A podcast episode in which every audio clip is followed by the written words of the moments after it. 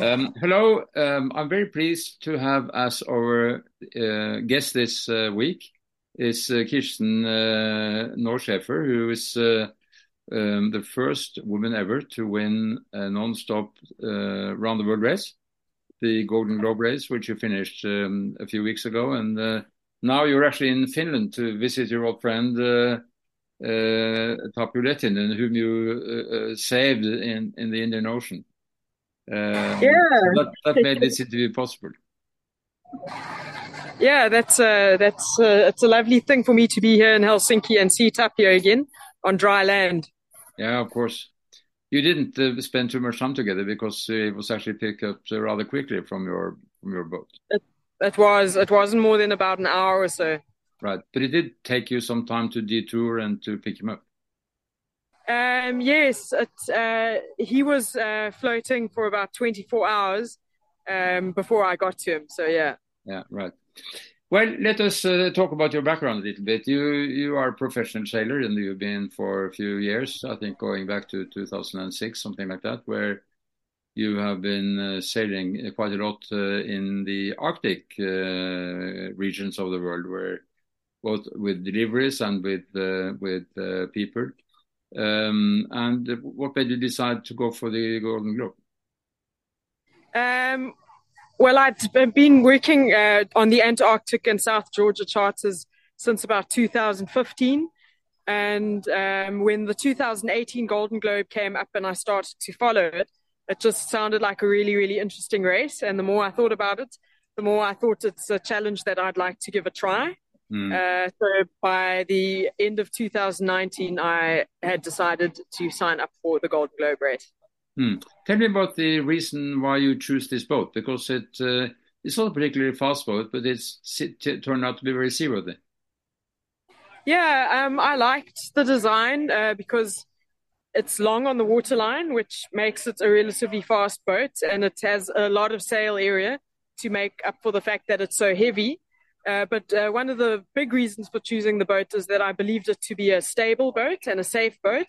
And I was quite used to uh, sailing heavier boats like um, the steel 54 foot that we were doing charters on.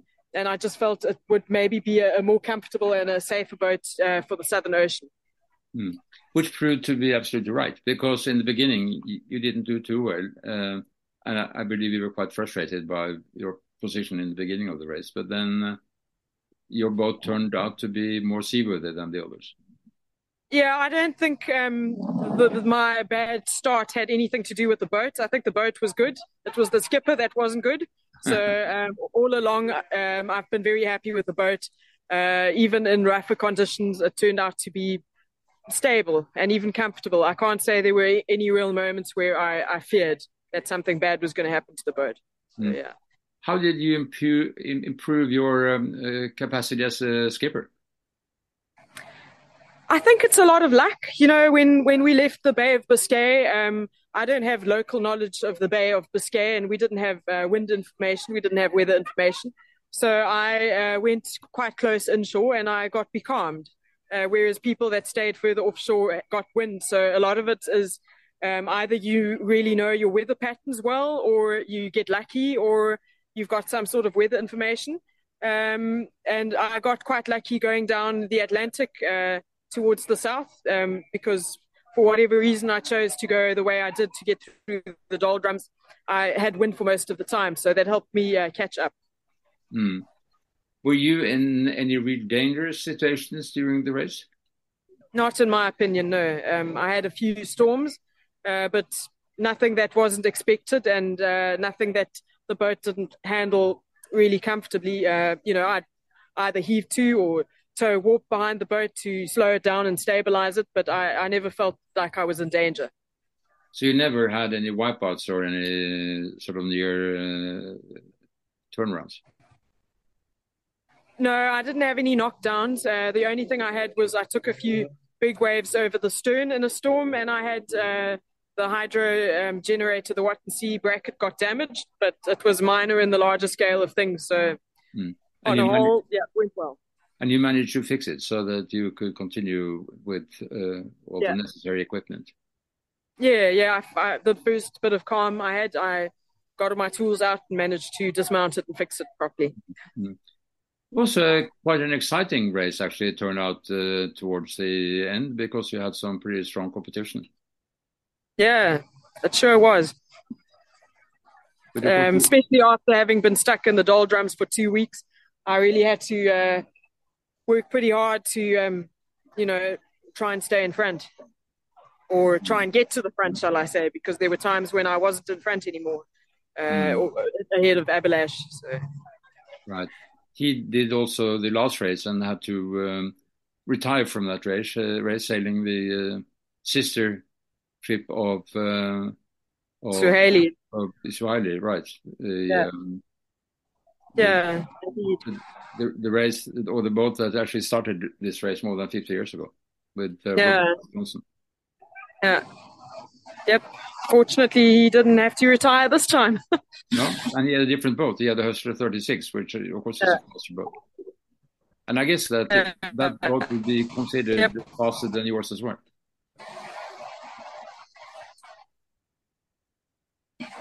Uh, sorry, could you just repeat that? Um, I yeah, lost you there for a moment. I guess that, I mean, he was sailing now a Rustler 36, uh, which was uh, considered uh, the uh, the best boat in the last race and uh, probably a favorite to do well in this race as well.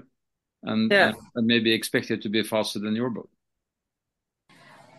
Perhaps, yeah. Um, a lot of people are still of the opinion that my boat is a heavy boat and therefore a slow mm. boat. But mm. um, mm. I I think my my boat definitely was the better boat to have in in the Southern Ocean, rough conditions, strong winds, and then I was probably a bit slower in the lighter winds, but it probably cancels itself out, or perhaps it's even an advantage. I, I think it's really a question of um, personal preference.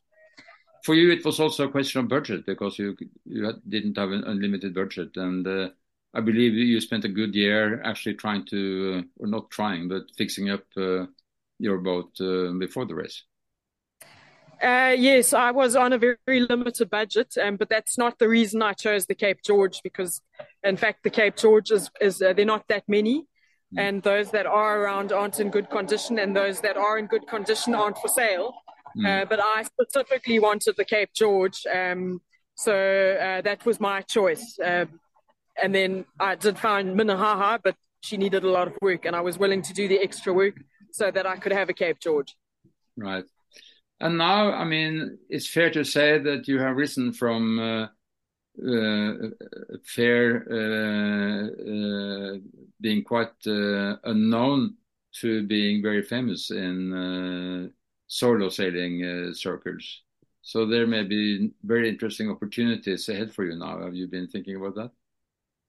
Um, I have, but you know, I didn't enter this race for fame or so that I could, uh, you know, climb the career ladders of racing, sailing, or anything. I, I entered it to fulfill a personal challenge, and um, I might or I might not continue to do races, but I'm not from a racing background at all, and um, I've basically achieved my goal by doing this race. So it's not certain that I'll I'll keep racing. I'll keep sailing for sure, and um, if I can do adventure sailing, that's great. But I'm whether I'll race or not is to be determined.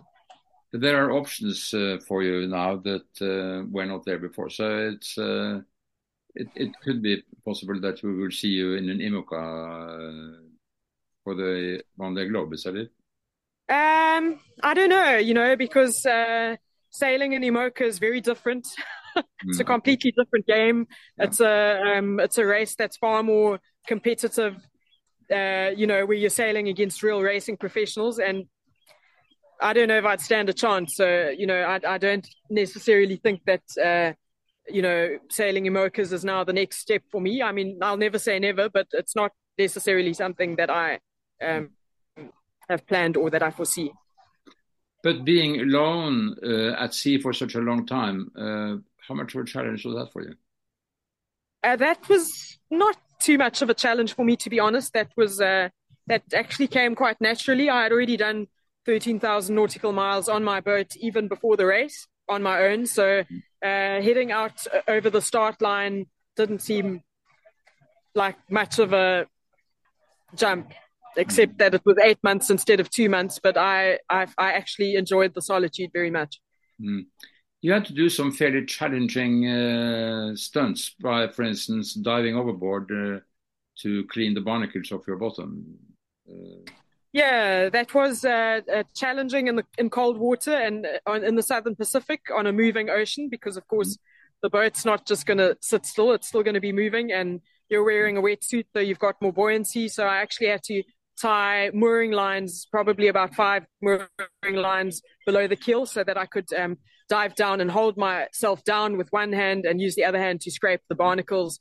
And then, even though I was wearing a wetsuit, after two hours, I'd come out pretty much close to hypothermic. Yeah. Yeah, I can imagine.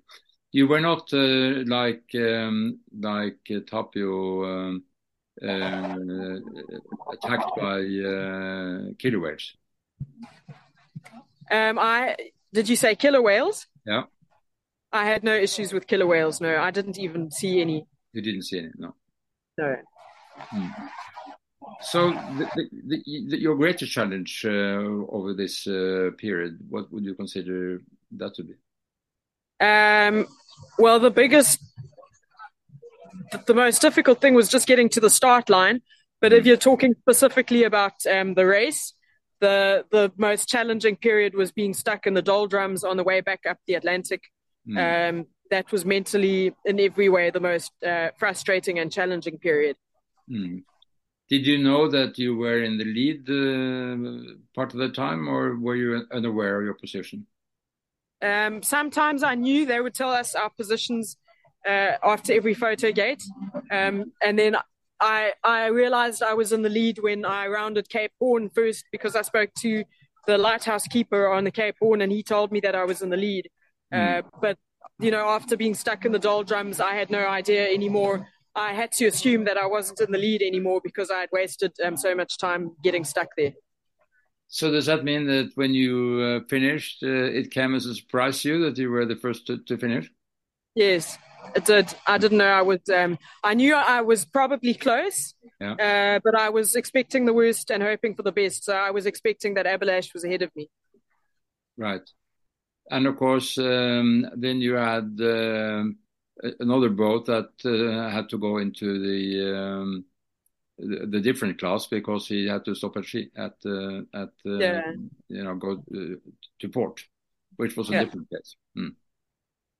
But for the real uh, Golden Globe race, uh, you were the sure winner, and that will always stand in, in the record books, and we will find out uh, what you are going to do next. Uh, could be something more advanced racing, or it could be sailing uh, in uh, the Antarctica, or maybe even Antar uh, the Arctic, which I believe you haven't explored so far. I've explored the Arctic by land, uh, not by sea. So yes, there, there's lots of opportunities. Mm. You have something to look forward to, I can tell you. Yes, very much so. I've got blank pages to fill with new adventures. Mm. Thank you very much uh, for this conversation. And again, congratulations on a great effort and a great result. And uh, and uh, we will hear from you again. I'm absolutely certain about that. Thank you so much. Uh, very nice to talk to you, and thank you for your interest. Okay, thank you. Bye bye. Bye. Okay, well, I think this was uh, fine. Did we miss anything? Something that you wanted to add? Um, I think you covered it pretty well. I think you've touched on everything that was of relevance. Yeah. Yeah. Well, that was very good. How long are you going to be in Finland now? Uh, not long. Tomorrow is my last day. I leave early on Friday morning. Okay. Yeah. Well, um, say hello to um, to uh, Tapio and uh, and have a good uh, stay in, in Finland. Thank you. Thank you so much. Good to talk to you and all the best. Okay. Bye bye.